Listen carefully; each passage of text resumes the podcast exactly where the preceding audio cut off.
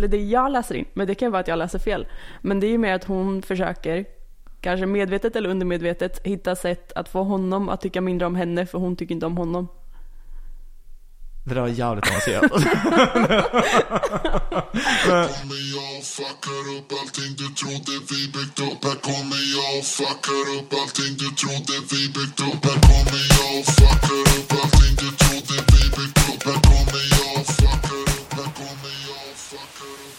Hej och välkomna till podcasten Om och Men där vi reder ut det ni tycker är krångligt och krånglar till det ni trodde redan var utrett med mig, Vincent Flink Gamlenäs. Och med mig, Beatrice Erkers. Äntligen dags för ännu ett härligt avsnitt i den här Poddelipodden. Woho! Ja. Eh, Du Bea, Ja. eh, vad har hänt sen sist? Ehm, ja, men mycket har hänt sen sist. Men eh, framför allt är det väl att jag har flyttat. Stort. Nu står jag, nu, nu bor jag nästan granne med dig. Eh, med lantismått mätt då. Ja. Eh, med Stockholmsmått. Långt bort. Ja. En annan stadsdel och Ja, 15 minuters promenad. ja, Eller- övre Östermalm. Ja, ja. Det är lite lustigt ändå. Ja. med, Vågar du outa din adress här i etermediet? ehm, ja, ö- Övre Östermalm har du ju redan outat nu. Det är ganska flashig gata du bor på ändå, tänker jag. Alltså, Ja, men den är stor. Lång Ja. gata. det är sant. Ja. Vallallavägen. Ja, Valhallavägen exakt. Ja, coolt. Ja. Så du är en av Valhalla-människorna? Ja. Legendarisk gata. Ja, mäktigt. Det finns en, en gammal låt med Lee Hazelwood. Jag vet inte vem det är. En- Det är han som har gjort den här... Um, um, äh, en, jag tror han är fransk. Men det Okej. kanske han inte är. Varför har han gjort en låt om Valhallavägen? För att han bodde här eller någonting. Han var här av någon anledning. Så Ja. han, han är, han är så här, en gammal 60-talsgubbe som ser så här superfräsig fransk ut. Alltså lite så här Serge Gainsbourg looking. Eller om han är amerikan, ja, skitsamma. Det är han som har gjort den där med Nancy Sinatra, typ uh, Strawberries, cherries and an angel's kiss in spring. Ja, Gud, jag förstår ingenting, men, eh, men coolt. det Det är någon är, gammal fransos som har skrivit en låt om Valhallavägen och Ja. även körsbär och jordgubbar. ja. det Gator och bär, det är hans gebit. ja, exakt. Nej men en annan låt som är så här, Let's take a walk down Vallallavägen. Ja, okej. Uh, Ja, varför inte? jag rekommenderar. Det, Ja, det är en härlig väg. Ja, men eh, det känns jävligt bra att jag flyttade till Stockholm, Bea. Nu kommer vi kunna liksom podda lite mer frekvent. Det är också bra för lyssnarna. Eh, lite mer up to date i um, vilka referenser vi har i, i avsnitten kanske. Precis, precis. Podda in person och eh, podda mer frekvent. Ja, Det tror jag blir jättebra. vi har pratat lite om att kanske ha typ något inslag med så här nyheter. Vi tycker till om nyheter och sånt där. Det kan vara en ursäkt för oss att börja sätta oss in i vår samtid. Det är sant. Ja, nej men jag, ehm, ja, Ja. det borde man kanske göra, sätta sig in i samtiden. Ja, jag läste en nyhet idag apropå om en man, alltså så här, nu kanske det låter lite raljant men det var en man som hade spelat bort 4 miljoner kronor under loppet av tre år. Och sen stämde Betsson för att han sa att han hade spelmissbruk. Mm. Och han vann? När han eller? förlorade. Han förlorade. ja. Alltså som tur är tycker jag. Eller alltså så här, det är väl allvarligt visserligen att ha spelmissbruk med. Alltså, det vore ju, alltså så här, det skulle ju ge helt knäppa incitament att man kan spela bort alla sina pengar och sen bara hävda att man är beroende. Jag skulle ju kunna sätta den diagnosen på mig själv liksom och bara spela utan risk liksom. Ja, nej, nej, jag håller med. Det, det är kassa incitament. Men, ehm, men det är eh, ja, värt ett försök kanske. Ja, jo varför inte? Ja men nu måste han betala rättegångskostnader dock för Betsson så det lär väl bli saftigt. Ja, han kanske inte tänkte, tänkte hela vägen. Nej. Nej men det hade varit härligt. Men Ja. nu, kanske någon sorts lösning. De kommer säkert inte låta honom spela mer. Nej, han kanske blir kickad. Ja. Eh, Men han har å andra sidan kanske inte så mycket att göra om nu heller. Ja, fan. Man ska inte Ja. trashtalka honom, han verkar ha stora problem. Det är du som jobbar på eh, missbruksberoende, beroendeenheten är det va? Ja, exakt. Fast vi har faktiskt inte något att göra med spelmissbruk. Vem, är det liksom psykologer då som får ta det? Uh, nej, men jag tror att det är liksom ett vårdcentralsärende. Vi har liksom bara substansbruk. Så Mhm. alkohol och eh, narkotika. Mhm. Eh, och även så här jätterandom grejer. Typ så här nätdroger och sånt där som inte riktigt är narkotikaklassat men som ändå är kemiska substanser. Ja. Ja, ja, så det är att de bara inte har hunnit bli olagliga än, typ. ja typ. typ. Ja. Det är ganska vanligt tyvärr. Ja. Alltså det där är ett problem med narkotikapolitiken att när man, när man förbjuder eh, vissa droger så, så uppstår det ju marknader för droger vars liksom ruspotential är sämre men där den juridiska risken är mindre. Mm. Eh, och ehm, som dessutom ofta är mycket farligare, typ som Spice till exempel. Ja. Att eh, Spice är ju liksom en, ett försök att syntetisera molekyler som liknar cannabis. Eller liknar THC rättare sagt. Eh, och eh, vissa av dem är väldigt giftiga, farliga liksom. Och eh, den, den marknaden hade ju inte uppstått om det inte var olagligt med, med THC-preparat. Så. Nej. så det är ju en av nackdelarna.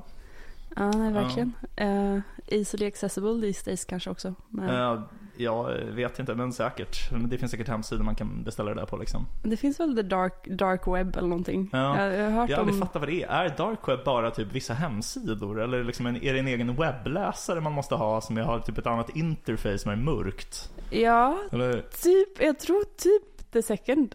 Men vad skulle, Eh. alltså för, för liksom alla webbläsare, man om du har Mozilla eller om du har eh, Chrome eller whatever, det är ju ändå samma hemsidor liksom. Men när jag, för jag, hör, jag hade någon kompis som var, var där liksom. Och som de beskrev det så var det verkligen typ, alltså, men jag, jag, kom, jag tror verkligen att det var typ en annan browser liksom. Ja. Eh, sen vet jag inte om det var mörk bakgrund, det vet jag inte. Nej, men jag, jag. Alltså, det- föreställer mig det också. Ja. ja, och där kan man köpa typ vapen och prostituerade och... Ehm, ja, du kan köpa vissa grejer i alla fall. Jag Ja. vet, inte, vet inte hur, eh, ja, om den personen jag kände var på vapen och prostituerade. Ja, man kan aldrig vara säker, men det är kanske mer kryptofolk du umgås med typ. Ja. Fattar. Jo. Ja, Mm, coolt. Ja, ja. Vad har du gjort sen senast då? Um, alltså grejen är att jag har typ inte gjort så här jättemycket. Ehm, jag vet inte vad jag ska säga. Jag var, alltså, alldeles nu innan vi sågs så var jag på en bokrelease. Min svägerska har givit ut en bok ehm, på italienska. Det var väldigt spännande. Det är en bland, alltså så en, um, vad ska man säga? Ett, liksom en bok med en samling av brev som växter har skrivit till människor. Växter? Ja, olika växter. Till exempel ett brev har, ja, nu har murgröna skrivit ett brev, eller liksom. Jaha.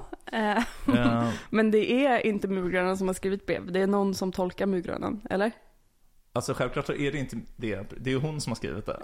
Ja, det är hon som har skrivit det. Alltså det är hon som har skrivit boken. Jag trodde hon hade översatt. Nej, nej, nej, nej. Mm. Alltså hon, eh, hon, hon har skrivit boken, men den har översatts till italienska. Så det var typ hon och översättaren och någon forskare, någon italiensk forskare, som, de hade liksom ett panelsamtal och sen hade deras kompisar en spelning efteråt. Så det är det jag kommer från nu. Mm. Men det var väldigt intressant, det var, det var väldigt spännande. Tyvärr kan jag inte läsa den där eftersom den är på italienska. Den har inte givits ut på svenska. Ah, Um, nej. men det, det- lät lite lurigt. De läste lite på engelska och det var väldigt bra. Ja, vad spännande. Vad sa murgrönan då? Eh, nej men alltså det, det är mycket så här typ med skillnaden mellan människor, alltså vilken, människans plats i naturen och eh, ehm, hur man behandlar jorden. Så dels psykologiskt men också liksom eh, ja, men så här, met- alltså metafysiska frågor och liksom individualitet. Att så här, växterna var mycket så att de pratade om, de pratade alltid i plural. Så här, vi gör det här typ. Och, men att människor upplever sig själva som individer och så här, frågan är hur typ befogad den känslan är och så. Ja. Ja, men jag, det är, ju- jag tycker sånt är superintressant med så här bara perspektiv eh, ehm, förändring och att det är så här Ja, men jag tänker alltid på det med, eh, förlåt Vincent att jag alltid pratar om AI, men det är det är 80% av mina tankar. Ehm, AI och San Francisco, Ja, liksom, bra. eh, on repeat. Men, ehm, ja men så här, när jag dödar flugor nu för tiden så får jag dåligt samvete. För Ja, att jag jag, förstår. tänker, eh, det, det finns ju den analogin som är liksom att eh, ja, men vi kommer vara, om, om det skulle vara så att vi får en AGI eller någonting, så, Ja. så skulle det kunna vara så att vi, det är inte att AGI hatar oss, men att vi kommer vara som, som vi behandlar myror kommer den behandla oss. För Ja, att ja, ja. Det är inte Mm, så att man tycker illa om myror, man bara, men de råkar bara vara där och man bryr sig inte. Just det. Så man råkar trampa på dem liksom. Så du tänker att om du är tillräckligt snäll mot myror så kommer kanske den här datorn liksom... Jag måste lära datorn, ja, ja, jag precis. förstår. Eh, men jag har ju dödat många flugor i mina dagar. Jag. Ja. Jag tror ändå att jag skulle vinna mot en dator. Men eh, jag vet inte, om det är en väldigt stark dator som, ja vi får se. Ja. Senare beger sig. Har du förresten sett vad som hände i, eh, för ChatGPT, den här AIn? Den blev ju typ nedstängd i Italien. Såg du det? Just det, jag såg något vagt, jag såg en, en headline, men vad, vad var det som hände? Eh, Men det alltså så här, hon, hon eh, som har tagit makten nu i, i Italien, hon är väldigt speciell. Hon heter, jag tror hon heter Carla Meloni. Hon heter Meloni i efternamn i varje fall. Eh, och hon är liksom partiledare för det tidigare fascistpartiet. Då, men, Var det det som han galningen var ledare för förut? Han, nej, inte Berlusconi. nej, Nej, okej. inte, inte Berlusconi, utan det här är liksom en mer eh, populistisk... eh, alltså Berlusconi var ju Mm. ändå mer så här en del av etablissemanget Okej. i Italien, styrde Italien jättelänge. Ja. Um, men det här är mer så här en ny, ett, liksom, det är ett, en, ett, en, ett nytt fenomen att de får så många röster. Men i vilket fall, hon var väldigt emot AI så här, eh, och ville liksom stänga ner ChatGPT. Men sen så eh, förhandlade de och det slutade med att de kom överens att de fick öppna sin verksamhet igen i Italien. De skulle inte vara blockerade på internet i Italien.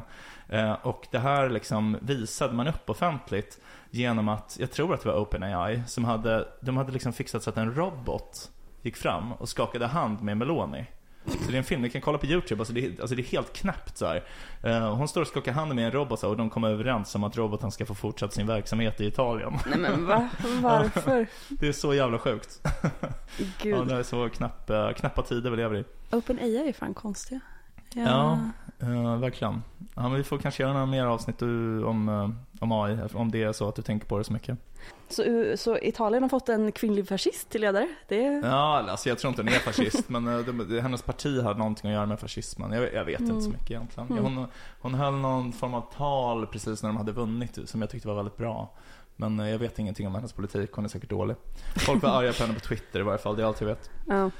Men ska vi glida in? Mm. Glida in på dagens ämne. Vi har läst en väldigt eh, spännande um, serieroman. Mm. Väldigt spännande seriealbum. Wage Slaves av Darja Bogdanska. Eh, Svensk-polsk tecknare. Ehm, jag har velat läsa den här länge faktiskt. Eh, Mhm. har funderat på att läsa den i men åtminstone fem år. Den kom 2016.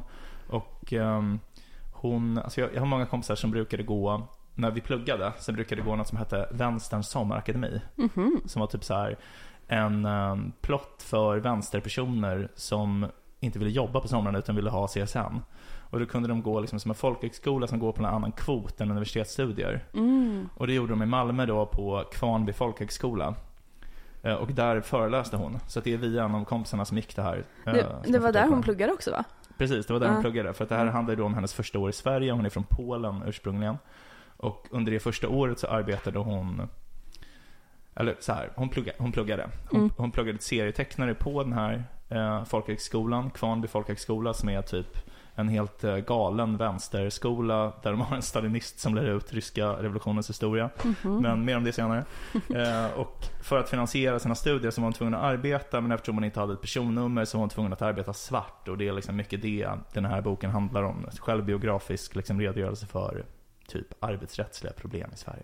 Ja, precis. Och hur, hur komplicerat och ja, beskriver någon sorts mörker, mörkertal och mörkersamhälle i Sverige där man liksom lever, ja, ja, hur det blir om man inte har personnummer. Eh, Och det är ett dilemma som man har hört, jag tycker jag har hört jättemånga som har det här dilemmat att så här, det är någonting med Migrationsverket att du behöver ha ett jobb för att få ett personnummer men du behöver ha ett personnummer för att få ett jobb. Mm. Typ. Eh, Och att det är jättemånga som fastnar i den. Ja, verkligen. Ja, men Catch det, är lite, 21. det är lite knappt eh, liksom catch 22.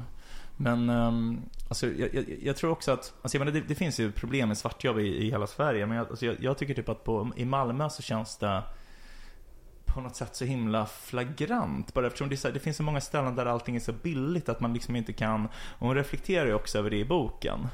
Att det, det, det är så många ställen som har så låga priser att så här, det, det kan ju inte vara vitt. Den här verksamheten kan ju inte vara vit. Mm. Så ställen som säljer typ, eh, man, man kan gå och klippa sig för 50 kronor liksom. Oj. Det är så här, kom igen. Det, Ja. det, är liksom, vilken vit arbetskraft eh, skulle gå att finansiera med de, de intäkterna?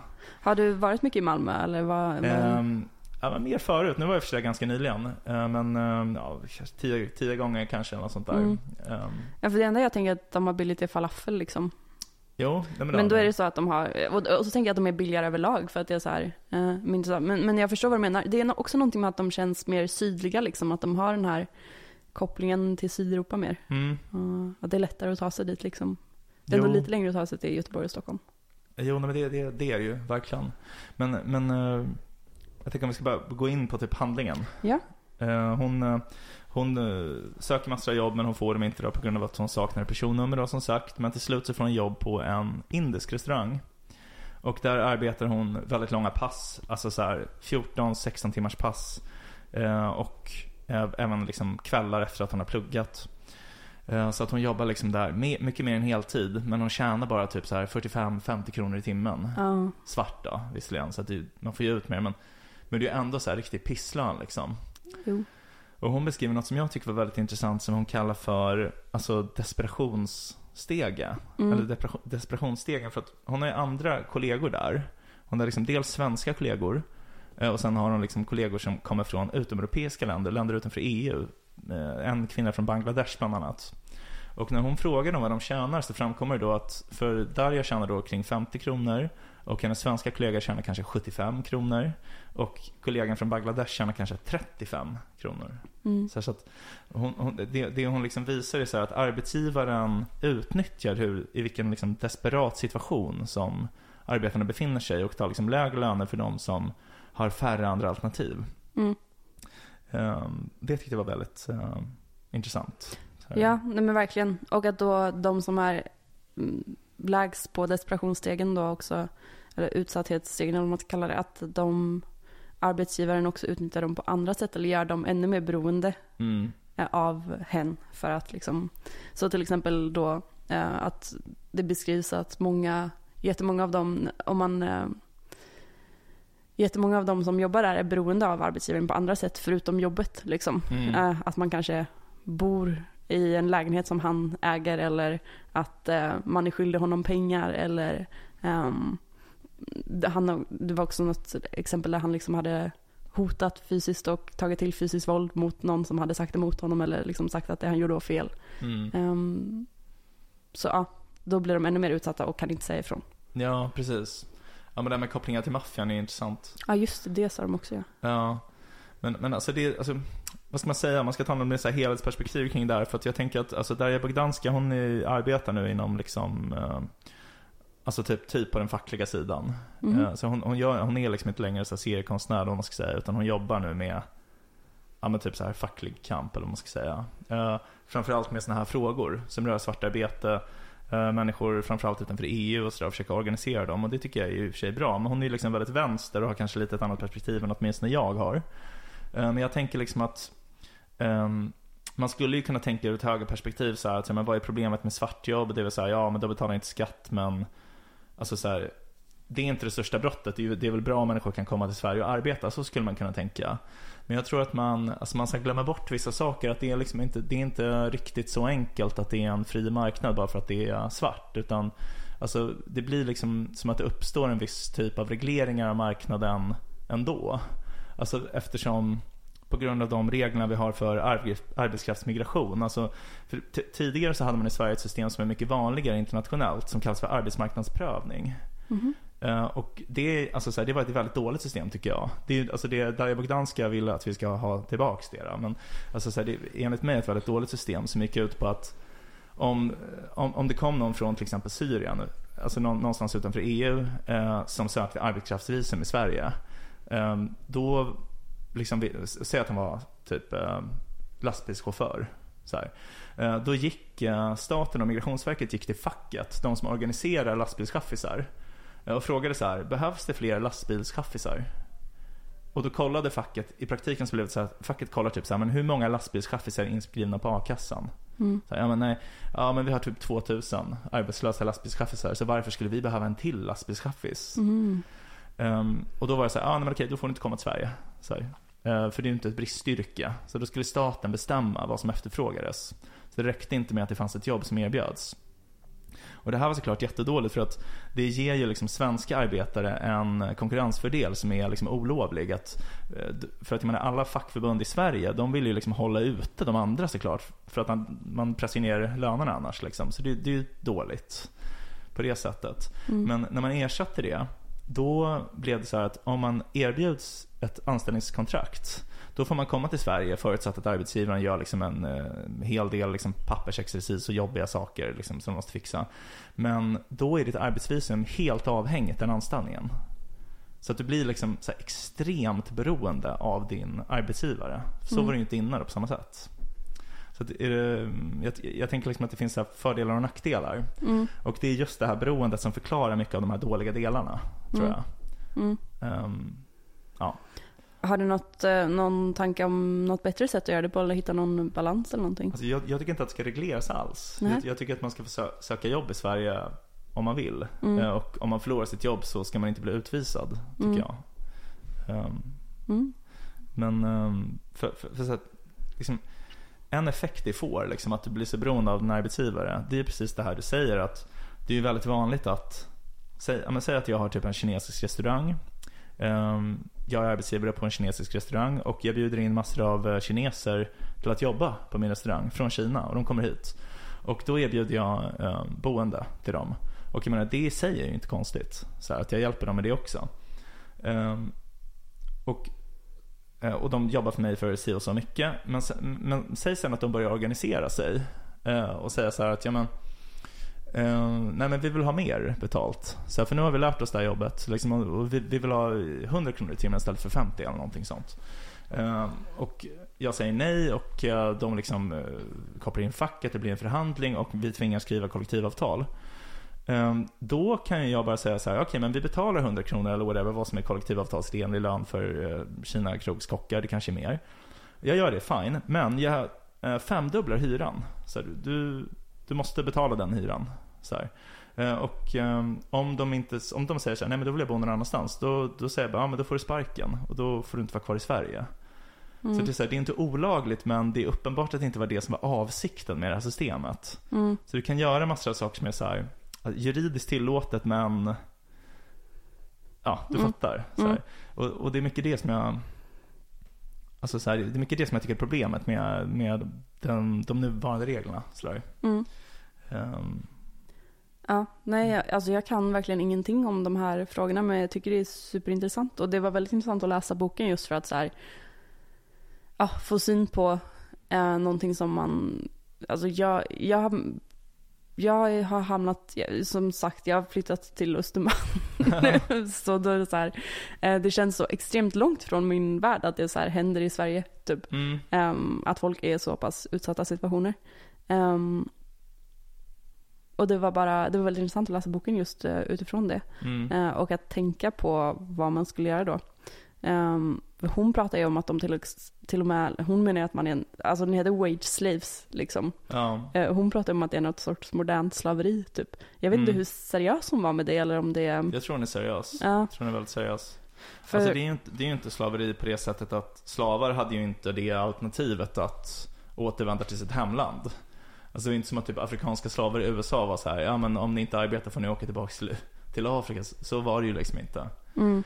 Ehm, Ja, nej, men för hon har någon så här skri, skriver i boken att det, ja, men en slav är en person som arbetar väldigt hårt utan eh, liksom, riktig kompensation eller vad man ska säga. mm, Ehm, eller appreciation skrev hon också. ja. Eh, eller att det är någon som är liksom överdrivet beroende eller kontrollerad av någon. eh, Mm. Eller något. Så, alltså, och om man har den definitionen så håller det ju. Jo. Ja men alltså det, i en mening så liknar det ju, jag skulle nog inte gå så långt som att säga att det är slaveri men Nej. I en mening så liknar det ju eftersom det är för många människor så oerhört dåligt att inte få stanna i Sverige. Så här, Mm. att typ människor som kommer från typ Bangladesh, alltså det är så oerhört mycket bättre att bo i Sverige även under de här dåliga förhållandena än, än vad det är att bo i Bangladesh. Mm. Eh, Så att det är dåligt att ge arbetsgivare makten att liksom i effekt skicka hem personer igen. Nej, men, eh, löneslav Mm. är väl, känns väl som ett eh, begrepp som man kan slänga på det. Jo, Men, men det, är, det är ju intressant med, med sådana frågor för just det är en sån sak som kommer upp ofta till exempel em, när man pratar med EA-människor är ju alternativkostnader liksom. Mm. Och att det är, em, ja men i den här Will McCaskills bok Doing Good Better så är det ju en sån grej som man tar upp att ja men istället för att köpa Fairtrade så är det egentligen bättre att köpa liksom kläder från H&M typ Mm. för att eh, det, det är liksom what would have happened otherwise är inte att eh, ja, bara för att du köper Fairtrade så får alla som jobb- jobbar på fabriken plötsligt jättebra arbetsvillkor. nej. Eh, Utan eh, alternativet är då får alla som jobbar på fabriken inget jobb alls och lever i eh, ännu mer fattigdom. Just det. Eh, och att jag, eh, så är det ju med det här, eller så tänker jag ofta kring typ så här när folk pratar kring Foodora eh, och sånt så tänker Mm. jag, ja men liksom annars har de kanske inte haft något jobb alls eller det, det tror jag är ett av de vanligaste alternativen liksom. Ja, ja absolut. För Ehm. de allra flesta. Ja, men, men det här är ju, ehm, ja det, det här är ju extremt såklart. Eh, Mm. och det känns, eh, det känns drygt att säga, jag menar ju inte att det är liksom okej, men ehm, ja, jag vet också inte hur man ska fixa det liksom. Nej. Nej men jag tror att det, att det bästa är liksom att göra det lättare för eh, människor att få stanna i Sverige även utan en anställning då. Alltså, men, det, jag tänker att det människor är rädda för där är ju att de ska ta välfärdsstaten i anspråk. Att de ska få olika bidrag men Alltså det är väl bara att inte erbjuda bidrag, eller jag förstår typ inte problemet riktigt. Men Ja. alltså, jag menar, jag, alltså jag har ju kompisar som är liksom höger på liksom lite annat sätt än vad jag är. Som är mer så konservativa och eh, um, kanske mer kritiska mot Sveriges migrationspolitik. Som tycker att jag är väldigt naiv. Men jag har aldrig riktigt fått någon så väldigt bra förklaring på varför. Det är mycket så här koppling till kriminalitet så, men jag tror att det är ganska liten del av typ eh, gängvåld och sådär som är på grund av arbetslösa bangladesher. Alltså så här, typ, eh, Ja, det, det känns bara inte alls som att det stämmer. nej verkligen. Um, men- Nej för det, det skulle ju vara ett intressant alternativ ändå att så här, För då blir det ju verkligen där att man får eh, arbeta ja, ehm, sig till rättigheter eller vad man ska säga. På ett, på ett, positivt, på ett positivare sätt än det här. Att det är, eh, för då har man rättigheterna officiellt. Ehm, ja, exakt. Och jag tycker typ inte att det är ett jättestort problem heller om det kommer, alltså säg typ att du har, om det kommer liksom, eh, ja med fyra bröder typ från Bangladesh, så här, som jobbar här. Jag tycker inte att det är ett jättestort problem om typ deras mormor också kommer hit men inte jobbar. Så Nej. länge typ de kan försörja henne och hon inte får massor av pengar av ja. alla andra. Så jag, ty- alltså, jag tycker inte att man ska kräva att man jobbar om, man är här heller, förutsatt att man inte tar någon annans pengar i anspråk. Ja. Eller? Nej, nej, nej, men jag håller med. Det, jag kommer att tänka på en, eh, en lustig grej som var, ehm, min, min pojkvän är uppvuxen på, på Lidingö som är liksom ett Porsche-område i Mm. Stockholm. Ehm, eller en Porsche-förort. Eh, och han berättade att de, det känns, känns väldigt OPK, men att de i sin, deras skola, Vad skulle du säga nu? de, deras Ja. skola, alltså Ja. deras gymnasium, arrangerade förortssafaris. Åh nej, var det gång Sätra eller? Det vet jag inte, men Nej. det var att de så här, ja, nu fick vi så här skoluppgift, åk till den här förorten, typ Rinkeby, gud. Eh, och, eh, och så skulle de gå runt i Rinkeby och typ så här, Ja. ja, skriv ner vad det är, intressant. Ja. Åh, skriv, fint. fint ni har det. eh, ja nej, det lät bara så, så sjukt. Samtidigt som jag så här, alltså jag har aldrig varit i Rinkeby, jag tycker jag borde åka till Rinkeby. Eh, Ja. Så. Jag, borde, jag tänkte att jag, får- jag ska ha det som en uppgift till mig själv. Liksom, att ehm, typ bestämma, okej jag ska laga den här maträtten Mm. och jag ska gå och handla. Alltså om man väljer någonting, typ, jag vet inte vad som, eh, mm, libanesiskt eller någonting. Eh, som skulle vara bra att handla på någon ehm, sån eh, multikulturell marknad. Eh, Du och- kan göra full eller baba ganoush. Ja, men precis. Röra typ. det låter asbra. Ja. Eh, Min flickvän bodde där sina första år i livet. Jaha. Faktiskt. I Rinkeby? Eh, ja, alltså men hon flyttade därifrån när hon var liten så jag tror att hon, alltså typ knappt minns. Men eh, ja. Mm. Jag har bara varit där, jag har varit där en gång. Det, det känns inte som ett ställe man åker till om man inte liksom bor där. Nej, men det är ju väldigt intressant det här när man liksom, man kan gå ner i tunnelbanan här vid T-centralen liksom och så är det alla, är, alla men typ 90% är vita omkring en eh, och Ja, är liksom, det är en värld och en bubbla och Jo. sen så eh, åker man tunnelbanan och så går man upp och så är det inte en vit person i sikte och så är det um, helt andra lukter och dofter och um, stämning. jo nej, men det, det, det är skillnad, så är det ju absolut. Mm. Men eh, har, har du sett motsatsen till uh, förortssafari? Överklass-safari? Nej, Eh, det var ju några så här vänstermänniskor på Konstfack som anordnade för typ 10 år sedan. aha. Det hette så här, um, uh, slogan var liksom överklass-safari, odla ditt klasshat. och sen hade de liksom en så här double-decker-buss med liksom inget tak där uppe. Så man kunde, det var som en så här turistbuss och sen kunde man, de åkte runt på Solsidan och så var det någon som stod längst fram med en mikrofon och var typ så här. Här bor eh, Erik Wallenberg. Han har en beskattad inkomst på 5,5 miljarder kronor. Alltså så här, du vet. Ja. Bara, ah, I hans företag så tjänar städerskorna 24 000 kronor i månaden. Alltså så här, du vet. Ja, nej, det, det är mäktigt ändå. Det är, um, Ja, ganska sjukt ändå, tycker inte det? Åka hem till människor jo, så här, som står liksom i sin trädgård. Ja, jag, jag tyckte det var sjukt. Men det är de gjorde det på roligt. riktigt verkligen. Alltså, så Ja, ja, ah, det oj, ligger också förlåt, uppe på jag- YouTube. Oj, Eh, det är ändå sjukt tycker jag. ja det verkligen. Det var, jag, um, ja, men nu när jag bor, bor där jag bor så kollar jag om man skulle spela tennis på Kungliga Tennishallen Mm. och kollade så här, ja men vad kostar det då? Och då kostar det 5000 spänn i månaden. Ehm, Oj, och då mycket. får du spela två gånger i veckan i mån av tid. I mån av tid också. ja, om det vi finns inte tid, vi lediga. har, vi har bara tid att ta, ta betalt. Nej, men om det finns Va? så lediga tider. Ehm, och det var så här typ 15 000 kronor i start, kom igång eh, jävlar. eh, insats typ. Och det är Ja. för att spela tennis. Eh, Ja, ja. hur var banan då? Nej, jag har inte. Ja, ja, var... överklassiga skratt. Men, ja, men du måste ju blända in nu på Vallavägen. Alltså man tänker liksom att det, du kommer ju träffa massa andra så här uh, unga tjejer på Tösses bageri och så här. Du måste ju blända liksom. Ligger Tösses på Valhallavägen? Nej, det ligger på Karlavägen. Ah, okay, ja. Ehm, ja, nej, hur, hur jag ska göra, vad min Ja. strategi är. Ja, Jag har köpt en hårfön. Jaha. Det kanske räknas som någonting. ja det kan vara något. Eh, Den var, den var dyr i alla fall. Undrar om det är sant det här att man dör när man ligger i badet och tappar fönen? Ja, det tror jag inte är sant. Nej, det låter jättedumt nu när jag Det säger känns som att det. man skulle behöva tappa något väldigt elektriskt Ja. i... inte. Det är så Tom och Jerry dödsorsak. Han bara, ah, det var hemskt. Han fick ett piano i huvudet och Det sen känns- kom han upp och hade tangenter till tänder. Det hade varit... Eh, det känns som att det hade varit vanligt självmordsmetod. Metod, Ja, om sant. det funkade. Kanske de skulle ha åldersgräns på fönar. Ja. Ja, Ja. sjukt. Nej men alltså den här boken var väldigt bra. Alltså jag kan verkligen rekommendera den. Eh, jag eh, kanske har um, högerkompisar som tänker att det är sjukt att eh, läsa den här. Med tanke på hur liksom, vänstern är. Hon är väl någon form av syndikalist antar jag. Men jag tycker att den var um, väldigt bra och en helt rimlig kritik mot, eh, mot eh, krogbranschen och svartjobb inom krogbranschen. Alltså jag, jag kan säga också, jag arbetar ju inom beroendevården. Mm. Och jag har väldigt många eh, polska eh, eh, patienter. Det är Mm. en stereotyp som tyvärr är delvis sann, att det är många polska byggarbetare som har alkoholproblem. Mm. Och jag har varit med om, alltså så här, utan att överdriva, fyra, fem gånger. Alltså så att jag har fått in en polsk man som har arbetat som byggarbetare eller byggt byggnadsställningar, gör de vanligtvis i Sverige. Eh, som har eh, eh, försökt ta livet av sig eller haft tankar på att ta livet av sig, druckit sig redlöst berusad och sen när han vaknar till liv så har det framkommit att han har blivit utsatt för lönestöld.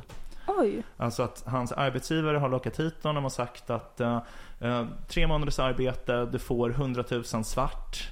Eh, du får tillåtelse att jobba på ackord, vilket betyder att eh, oavsett eh, hur lång tid det tar för dig att utföra tre månaders arbete så får du betalt för tre månader. Så att Mm. de arbetar kanske 16 timmars dagar varje dag i sex veckor. Nej. För att få 100 000 kronor svart. Och sen jobbar de och sen när de är färdiga så blir det inget. Chefen är borta. Man blir utlurad liksom. Alltså, Så att det här är liksom något som förekommer. Um, gud vad jävligt. Det, det är liksom en smutsig bransch. Alltså man, man, man ska inte vara rädd för att liksom fördöma de här människorna moraliskt tycker jag. Alltså de här um, arbetsgivarna som lurar sina anställda. Nej, alltså det där är så jävla äckligt. Faktiskt. Det, är, um, det känns som att den, um, eller den filmen jag tänker på när det här, eh, när vi, när vi pratar om det här hela tiden och, och just det här som visar på liksom skuggsamhälle i Sverige, det är den här Lilja Forever. Mm, jag har inte sett, men jag har hört att den eh, äger. Mm, nej men jag skulle verkligen rekommendera den. Men det är ju, det är ju prostitution då. Men, ehm, men också det här när man, alltså det är vissa scener där det är så här, eh, de, de tvingar henne att prostituera sig liksom. Mm. Eh, och liksom håller henne inlåst typ. Eh, och ehm, det är så intressant, eller det, det, det är fascinerande att se va- Sånt är sånt som för mig typ känns väldigt långt borta. Det Mm. känns som att ja, men det händer kanske i USA eller någonting. Mm. Eh, Men när man ser typ att eh, det är massa scener i filmen där hon förs in i svenska hem liksom, och, för det är svenska män som har beställt eh, ja, en prostituerad. Och så ser man liksom hur de eh, våldtar henne och så står det en adventsljusstake eh, Ja. i fönstret. Alltså så här, det är bara det är sjukt liksom. Ja, för fan vad sjukt. Men det, det där med polska alkoholister, det, det kommer jag ihåg. Ja, men dels så tycker jag att det, jag blir alltid chockad när man, eller jag tycker ofta när jag är ute på morgonen, att jag Mm. möter liksom någon eh, byggarbetare med en öl i handen liksom. Och så Ja. blir man alltid lite, va? Eh, så, men då, det stämmer in. Ja, men det är nice att de unnar sig ändå. Men jag kommer ihåg min pappa, pappa eh, har jobbat som lastbilschaufför i hela sitt liv. Mm. Eh, och eh, han körde jättemycket Östeuropa på 80-talet. Ah, ja. Och berättade hur sjukt det var när man kom till Polen liksom. Eh, men dels så var det så här, man tog färjan från Trelleborg eller någonting tror jag och kom till Swinoujscie, eller Mm. Svinhult kallar de det tydligen, eh, alltså lastbilschaufförerna. Um, och ehm, Men han berättade att man, när man körde på kvällen i Polen, särskilt Mm. på helgen, så behövde man köra väldigt, väldigt försiktigt. För det, det var liksom, eh, det kunde ligga däckade gubbar på vägen liksom. ja, gud. Ja, Fan vad roligt han har. Ja. jag vet inte om det är så roligt men Det är ja. som en stereotyp av Polen på något sätt. ja. Men det ja. Och att han så här berättade att men det, var ju, eh, det var ju verkligen Östeuropa Mm. på den tiden. Eh, och de körde genom det, det där Tyskland och sånt Just också. ja. Eh, och att det var så här, ja, men i Polen särskilt var det liksom, du gick in i en affär och det fanns potatis och vodka. Liksom. Mm. Det är det som finns. Ehm, och att det var när de körde liksom genom det där Tyskland och sånt så var det ju, de fick inte stanna på de flesta ställen för det var bara för tyskarna eller Just det, östtyskarna. Ja. Ehm, så det fanns så här särskilda, Jaha, ja. Det är som i Eh, Kina. Det är, är det också så? Som, ja, man får Ja. inte bo på alla hotell och sådär. nej, ja, nej det, Mm. Men det känns så, jag tycker det är, så lustigt för det känns så nä, eller det, 80-talet känns inte så länge sedan. Nej, men det är ju 40 år sedan ändå. Men det är, en- det är som Ja. en helt annan värld Ja, verkligen. ja, verkligen. Verkligen. Järnridåns, järnridåns värld. verkligen. Ja. Ja. Nej men det är alltså, ja, jag, jag tycker väldigt mycket om eh, mina liksom, polska och så här, ryska patienter. De är väldigt så här, ja, men, så här, ändå levnadsglada på Mm. något sätt. Ändå, de har verkligen det här liksom, östeuropeiska sinnelaget på något sätt. Jag var med om en gång en rysk eh, patient som hade kommit in och var jätteberusad. Han blåste tre promille som är så här, om man dricker, om man blåser en promille så är man extremt full. Alltså så, här, så full som du har varit i året åtminstone. Så här, åtminstone för oss. Han blåste tre då, så han hade druckit liksom två flaskor vodka eller något. Och han, och han var så här, han har blivit lobbad. Vet, polisen har ju rätt att ta med, alltså liksom ta en person med sig till sjukhuset mot den personens vilja om man är Mhm. för, för full. Mm. Vilket är lite konstigt tycker jag. Men, um, så han kom dit och var typ så här, ja men jag vet inte vad som hänt, varför tog polisen mig? Så försökte jag förklara och han bara, va? Varför har ni den lagen? Det låter ju konstigt så här. Och så var han så här, nej men jag vill gå hem, jag vill gå hem nu. Och jag bara, men kan du stå upp? För han låg ner så här och var liksom extremt full. Ehm, och då ställde han sig upp och så gjorde han så här tranan typ. Eh, och sen sa han till tolken så här bara typ. Och sen skrattade han jättehögt. Jag bara, vad sa han? Hon bara, nej men det är konstigt, så jag, jag kan inte översätta, det, det, är, det är konstigt på svenska. Och så ser man att han blev arg och bara sa samma sak om och om igen. Så här, "Oh." och jag bara, men vad är det han säger? Så du får bara översätta. Hon bara, ja okej men han säger så här. "Eh, Jag är inte full, jag är bara ryss.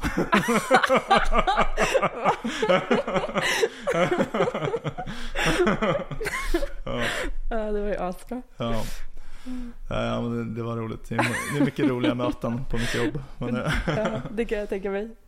Eh, Ja, du kanske kommer sakna dem när du börjar på eh, gymnasiet. Ja, faktiskt. Nej, men jag kommer sakna mitt jobb jättemycket. Jag ska ju byta jobb nu och börja AT här. Mm, särskilt ja. ryssarna och polackerna kanske. Ja, men jag kommer Mm. väldigt bra överens med dem faktiskt. Ja. Alltså, på, på vissa sätt så känner jag mig ibland som att jag är en östeuropé. Jag har Ja. ingen koppling dit alls. Men jag, liksom, jag gillar deras här eh, Alltså på, de kan vara liksom väldigt vemodiga och så här högtidliga samtidigt som att de, det är som att allt egentligen är ett skämt för dem. Så här, de kan sk- skä, skämta om vad som helst, sitt eget liv, så här, det- sina barn, sina fruar och sådär. Men, men att de samtidigt har det här mörkret liksom. Jag tycker om det. Men jag tänker att det kommer ifrån mörkret. Alltså så här att det är, om man lever i en värld där det är så absurt. Mm. Eh, för att det är så mörkt eller svårt liksom att man har haft sådana.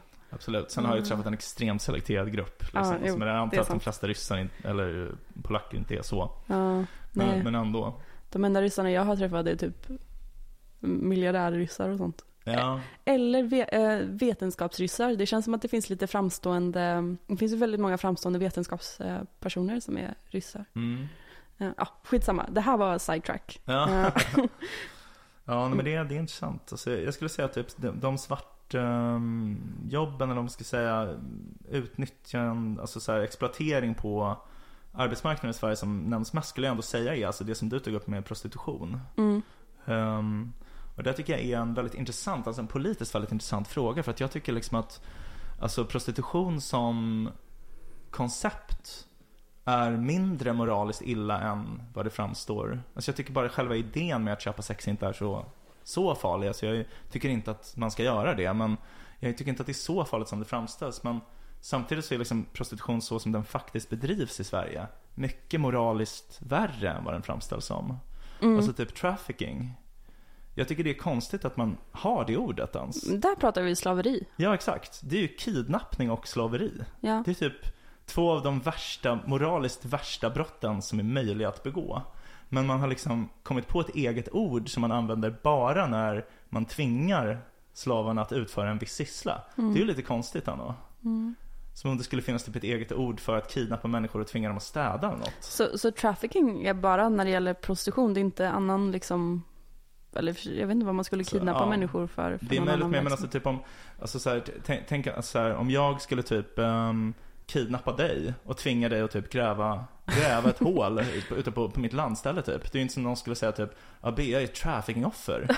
Det, är så här, det betyder ju någonting specifikt liksom, och det, och det är någonting som döljer det här liksom, brottet. Man, tänk, man tänker så här att så här, men, de här trafficking-offren, de, de har blivit utsatta för typ prostitution, men de har ju blivit utsatta för någonting mycket värre. Mm, Eller hur? mm. Nej men jag, jag håller med.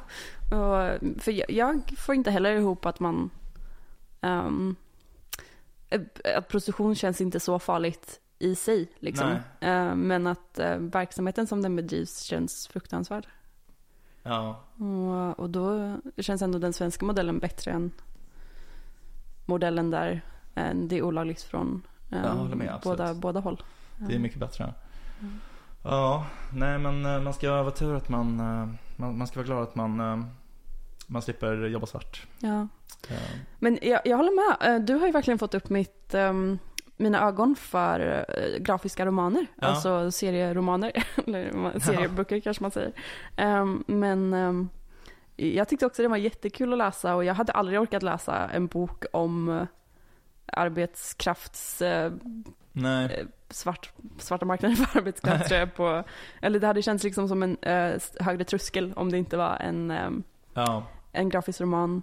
Ehm, Det är Och väldigt, att- hon hon är väldigt bra på att rita också. Ja, men det, det som är kul också är ju att det är verkligen en sann historia. Eh, Mm. Det är hennes historia. Och i slutet så kommer till och med en bild på, ja men först så ser man liksom hur de målar eh, bilden i serien och sen så ser man den riktiga bilden.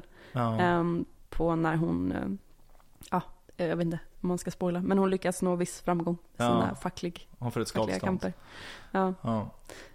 Um, så det var väldigt, eh, eller det, det, just att det var en verklig historia bidrog väldigt mycket, tycker jag. ja, och att det är liksom en mänsklig historia. För att här, samtidigt som den handlar om arbetsrätt och svartarbete och utnyttjning så, så handlar den ju bara om hur livet är för alla som är typ 25 år. Mm. Att det är så här, du har en knäpp tillvaro och så här, du vet inte vad du håller på med. Du gör någon grej som du inte vet om det kommer leda någonstans. Det är massa människor som kommer in och ut ur ditt liv. Du träffar nya människor i hela tiden i nya sammanhang och du liksom du vet att du borde vara vuxen men det känns inte alls som att du är vuxen typ. Mm. Uh, som på något skumt sätt så känner man igen sig jättemycket i hennes liv liksom. Mm. Där att flytta runt och liksom, Mm. ja. Nej, men jag, jag håller med. Ehm, ja, det, det känns som att det finns en del sådana här grafiska romaner som är verkligen eh, försöker vara väldigt, eh, ut, alltså det, vi har ju läst Liv Strömquist, hon är ju ett Ja. väldigt bra exempel på det. Absolut. Ehm, men det finns ju andra också som är liksom, jag, jag tror de har gjort den här Sapiens av uh, Yuval Noah Harari, Harari Mm. som en Mm. seriebok nu till exempel. Och sånt. Alltså så, Det låter kul. Ja, alltså Ja. det finns ju jättemånga roliga sådana utbildande saker. Och, och Brian Kaplans den här, ehm, vad är det Open den? Borders. Open Borders, precis. Den är ju skitbra. Um, jag har faktiskt köpt uh, jättemånga exemplar av den boken och givit bort. Jaha. Um, Ska vi, eh, kan inte jag få, har du kvar? eh, nu har jag nog bara mitt eget. Ja. Eh, men jag har givit bort säkert fem stycken. Men jag kanske ska köpa en och så gör vi ett avsnitt om den. Ja, jag kan se. Jag kanske har faktiskt en till. Jag kan kolla när jag kommer hem. Men för det, den är skitbra, så den kan jag verkligen tipsa om. Det är typ den, min favoritserie, Mm. skulle jag säga. Kul. Ja, Nej men, nej men det här var verkligen jättebra. Så nice. tack för tips. ja för all del. Uh, nej, men jag, jag har också lite återupptäckt serier. Jag läste mycket serier när jag var liten då. Men ehm, nu har jag liksom börjat lite grann. eh, faktiskt efter det här med att vi började läsa Liv Strömquist. Mm. Ehm, så det är kul. Ja, nej men jag, jag har försökt läsa en del serier men inte fastnat. Men då, det jag fattar nu är att jag har läst fel sorts serier för mig. För jag har läst typ så Alan Moore. ehm, Ja, Så typ Watchmen och ehm, ja, det där sånt där From Hell och sånt där. Superhjälteserier, det där gillar jag inte. nej, precis. Och även om Alan Moore tror jag är ju ovanligt bra för att vara superhjälteserie liksom för det. Ja, Men, ehm, och, och så det har varit bra men jag har inte fattat hypen liksom. Alltså, jag, det här hade jag kunnat läsa som en vanlig bok har jag känt. ja men jag fattar. Jag, jag har nyligen läst en annan en serieroman som heter Peep Show av eh, Joe Matt. Väldigt bra. Men det, det har ingenting med tv-serien att göra eller? Nej, jag tror inte det. Jag, jag fick faktiskt reda på typ idag, eller nej, igår. Eh, Ja. För att vi var på samma föreläsning med någon som pratade om en Ja, just det. serie som Ja. heter Peep Show. Den har Ja. jag sett. Den, är, den var väldigt stor i Storbritannien när jag bodde där. Ja, okej. Ehm, ja, jag vet inte vad det är. Men Den det... är jätterolig för den är verkligen så här att man, det är två huvudkaraktärer då. Eh, det är en lite så här mm, good, good guy, eller han försöker vara duktig. Ja. Eh, och så är det en som är liksom stökig och eh, du vet, inte har ett jobb och sådär. Eh, men så får man följa deras liv. Men det är verkligen, alltså den heter Peep Show för att man verkligen får följa det som att man följer deras synfält hela Mm. tiden. Så Ja. typ när de kysser någon så ser man ansiktet närma sig kameran och sådär. Ehm, Ah, okej. Ja. och man ser att de, om de går någonstans så ser man vad de ser och sådär. Ja, det låter kul. Som ett bra så här, eh, men det, tekniskt grepp. Typ, det eller? funkar ja. faktiskt, det funkar. Ja, ja nice. Eh, och väldigt så här brittisk, eh, cynisk humor. Ja, väldigt, väldigt, väldigt bra. Nej, det, det, jag tror inte det. Det handlar om en typ ehm, en arbetslös serietecknare i New York som reflekterar mycket över sin katolska uppväxt typ. Ja, nej det lät som någonting annat. Och är beroende av porr. Ja. Eh, jag tror inte att det är samma. Mycket Mm. man kan vara beroende av. Eh, ja, exakt. Ehm, ja, nej. Men alltså, apropå serier. Ja, Du har sett Succession eller? ja. Alltså eh, så jävla bra den här säsongen. Jag är helt uppslukad den här säsongen. Det är typ det enda jag går runt och tänker på hela tiden. ja. Nej men verkligen jättebra. Lite Ja. mer entusiasm här, fan. Nej men jag, jag vet inte, jag kunde inte liksom, riktigt levla upp till att det är det enda jag tänker på. Jag är mer besatt av Gift i första ögonkastet. Ja, det är kul. Alltså det är, absolut, jag gillar det. det. Det är kul att, för det, jag vet inte, de som lyssnar kanske inte har sett det. Det är, det är liksom ett par som är ett riktigt power couple. Han är typ någon form av major eller någon sån. Kapten var han väl nu? Kapten, ja. Kapten. Ehm, och sen hon är typ en mäklare men I Stockholm liksom. Ja, de tränar mycket, du vet så här, två, båda är blonda och så här. Ja. Eller den ena, han är typ rödhårig som är nästan ännu liksom mer överklassigt att vara. Men, eh, men de här två, alltså det är så konstigt för att de pratar som att det är en AI som har skrivit deras, deras konversation. Det är, de är väldigt ehm, liksom, um, jag höll på att säga erotiska, men de är Ja. väldigt så här, alltså man får se scener på dem när de sitter och typ äter frukost i sängen och typ vill äta upp varandra. Ja, Alltså så här, jo, eh, de är nykära liksom och så här och typ. Ja. ja. men, men man hade ändå, andra verkar ju tygla sig lite mer när det är kameror i närheten. Jo, de är alltså det verkligen, de andra är väl bara inte kära i varandra tänker jag. Nej, men, Det är väl de men, som det typ går bäst för. Ja, nej, det Mm. går verkligen. Men i jämförelse med, alltså jag har ju sett ganska många säsonger av det här Vincent. Ja, och de, de, är, de står ut. Ja, det är så, okej. Ja. jag har inte sett så mycket. Men Mm. jag såg, jag tror, var det förra säsongen som det var en, en, eh, en liten, eh, tämligen fet man med ett stort rött skägg. Ja, Som blev tillsammans med en kvinna som byggde en mur mellan honom och henne i sängen. jo. För att hon var typ äcklad av honom. Det var så jävla sjukt. Det, där måste jag gått och lösa på något annat sätt. Kunde hon inte sova på soffan eller hon? Ja. Alltså, Men det är, det är vissa av paren nu som man bara säger, men herregud vad har de tänkt? Alltså när, när man matchar ihop dem. Ja. Typ den där, um, han den lite långhåriga galna killen, August eller vad han heter. Ja, just det. Han verkar, han verkar Alltså, galen. Eh, ja, väldigt eh, oattraktiv i mina ögon och i hans partners ögon. Ja, tycker tyvärr jag tror jag också. det också. Men varför tycker jag han är oattraktiv? Han verkar väl, fast han verkar väldigt knapp i och för sig. Det är ju kanske inte så attraktivt. Ja, och typ så här, jag vet det, typ i förra avsnittet så sa, så sa hon typ du behöver duscha för att han luktar illa. Ja. Det är ju, alltså det är ju, Ja. mm, Jo. Det är det värsta som finns när någon luktar illa. Ja, jag har aldrig varit med om en... Du har Men- väl varit med om folk som luktar illa? Ja, jo, men jag har liksom Ja. aldrig typ dejtat någon som har luktat Nej men det illa. har inte jag heller. Nej. Men det skulle jag aldrig göra. Liksom. Nej, nej det, det är och det sant. skulle vara, om det skulle vara någonting sånt, det skulle vara det, Ja. det är det jag menar bara, att jag tycker, för mig är det det största no-note någonsin. Lukt, ja okej, Ja. ja. jag får passa mig här. Det känns som du säger att det luktar äckligt. Nej. Nej, Ja, annars, nej. jag, hade inte, jag hade inte hängt här Vincent. Nej, det var tack, tack. tack. aldrig tänkt på din lukt. Jag sträcker mig efter min här. Men, eh, ja, nej men eh, ja, jag tyckte hon var lite taskig mot honom ändå. För han, var, han hade mycket energi och så här, försökte skapa bra stämning. Men hon var typ så här. Eh, du har väldigt hög energinivå. Kan du ta ner några snäpp? Det är ändå lite så här taskig grej att säga till någon som försöker vara snäll typ. Ja, jag förstår. Alltså du, du har ju säkert rätt, men jag förstår henne också så himla mycket. För hon är ju bara inte attraherad till honom. Nej. Det blir så jobbigt då. Jo, absolut. Ehm, absolut. Men jag hade Mm. inte sagt så till någon som var, var en, inte liksom ett romantiskt intresse för mig heller. Alltså, Nej. Typ till någon så här, om det var någon kollega på jobbet som var typ så här, hade jättemycket energi och försökte skapa god stämning. Då hade jag inte bara, eh, du, ta ner några snäpp. Så även om jag inte var attraherad av den personen. Mm. Alltså det är här, Nej, men, men det jag tänker pågår är mer, inte det som sägs explicit, utan, eller det jag läser in, men det kan vara att jag läser fel. Men det är ju mer att hon försöker, kanske medvetet eller undermedvetet, hitta sätt att få honom att tycka mindre om henne för hon tycker inte om honom det där var jävligt avancerat. Hon försöker hitta sätt att få honom att tycka mindre om henne för att hon inte tycker om honom. Ja, så, så att det ska framstå som att hon ratar henne för att hon vill inte vara den elaka liksom. Ja men precis, Ja. alltså jag tror att hon undermedvetet liksom, eh, att, att, man blir, att man gör så. Om man är väldigt oattraherad av någon som är på liksom. Och det är ju, alltså jag förstår att han är på, för han har ju blivit ihopmatchad med henne. Ja, Men, eh, men hon, jag tror hon känner i hela sin kropp att hon inte är, ja. vill. Det hade jag också känt tror jag. Ja. Om jag hade varit med i det där programmet. Ja, Men eh, ja, alltså det, jag hatar grundidén med programmet. Till att börja gör du med. det?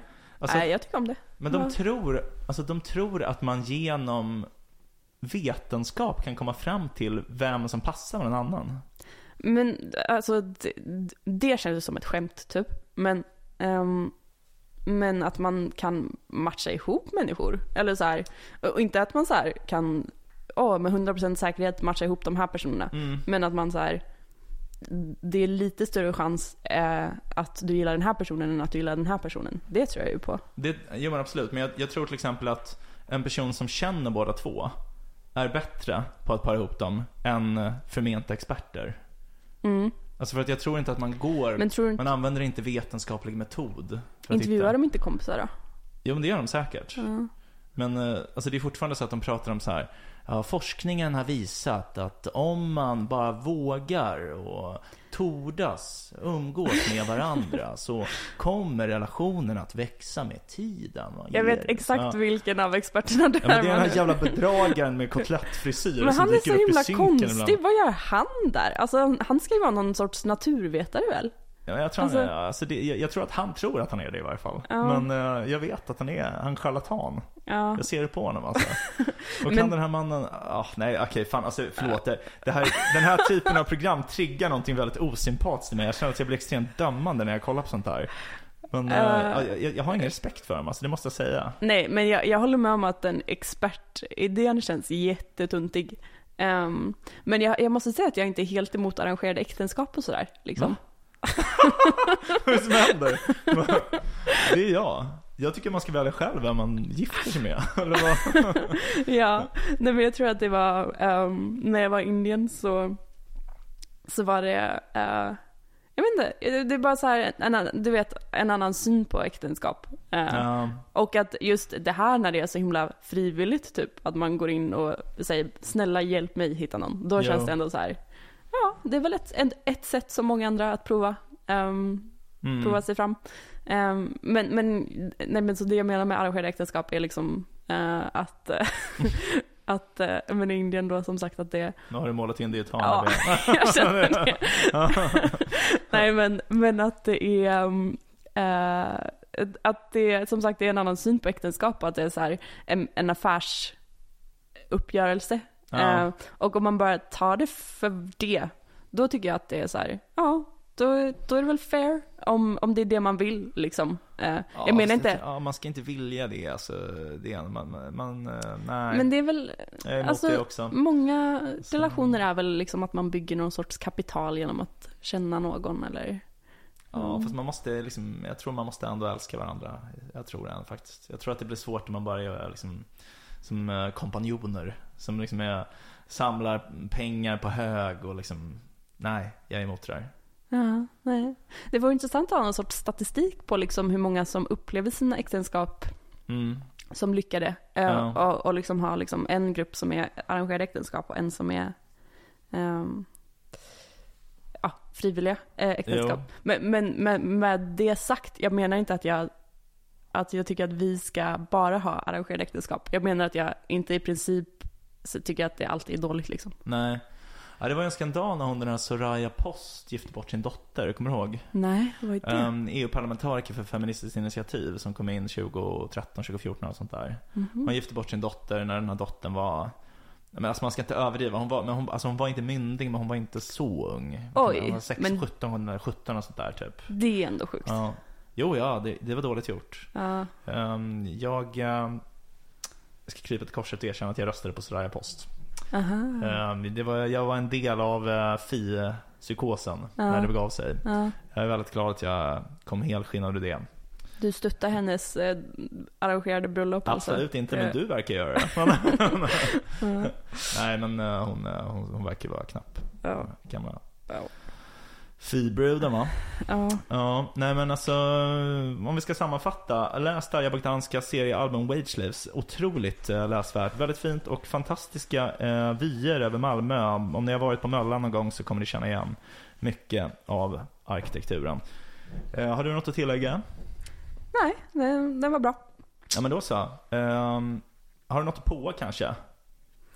Ehm, jag kan på att jag ska vara med i en panel Ja, nästa vecka. del. Eller denna veckan är det ja, när det här avsnittet släpps. Ehm, så på fredag klockan halv elva så ehm, ska jag vara med på något event som Volante arrangerar. på SN7, alltså Stora Nygatan 7. Mm. Så det kan jag på. Den 12 femte 10.30 på Stora Nygatan 7 kan ni komma och titta på Bea delta i en paneldiskussion. Kan ni peka på mig och skratta eller Ja. någonting? Och då kanske ni också får tillfälle att träffa Vincent. Ah, Ja, eh, det var något. Vill du på någonting? Eh, nej, det är inte så mycket som händer i mitt liv. Men eh, ska vi kalla det ett avsnitt? vi, vi gör så. Ja, då så. Med de orden, kära lyssnare, så får vi tacka för att ni har lyssnat på ännu ett härligt avsnitt av podcasten Om och Men, där vi reder ut det ni tycker är krångligt och krånglar till det ni trodde redan var utrett. Nästa vecka kommer vi prata om någonting Jag fuckar upp allting du trodde vi byggt upp Här kommer jag och fuckar upp allting du trodde vi byggt upp Här kommer jag och fuckar upp allting du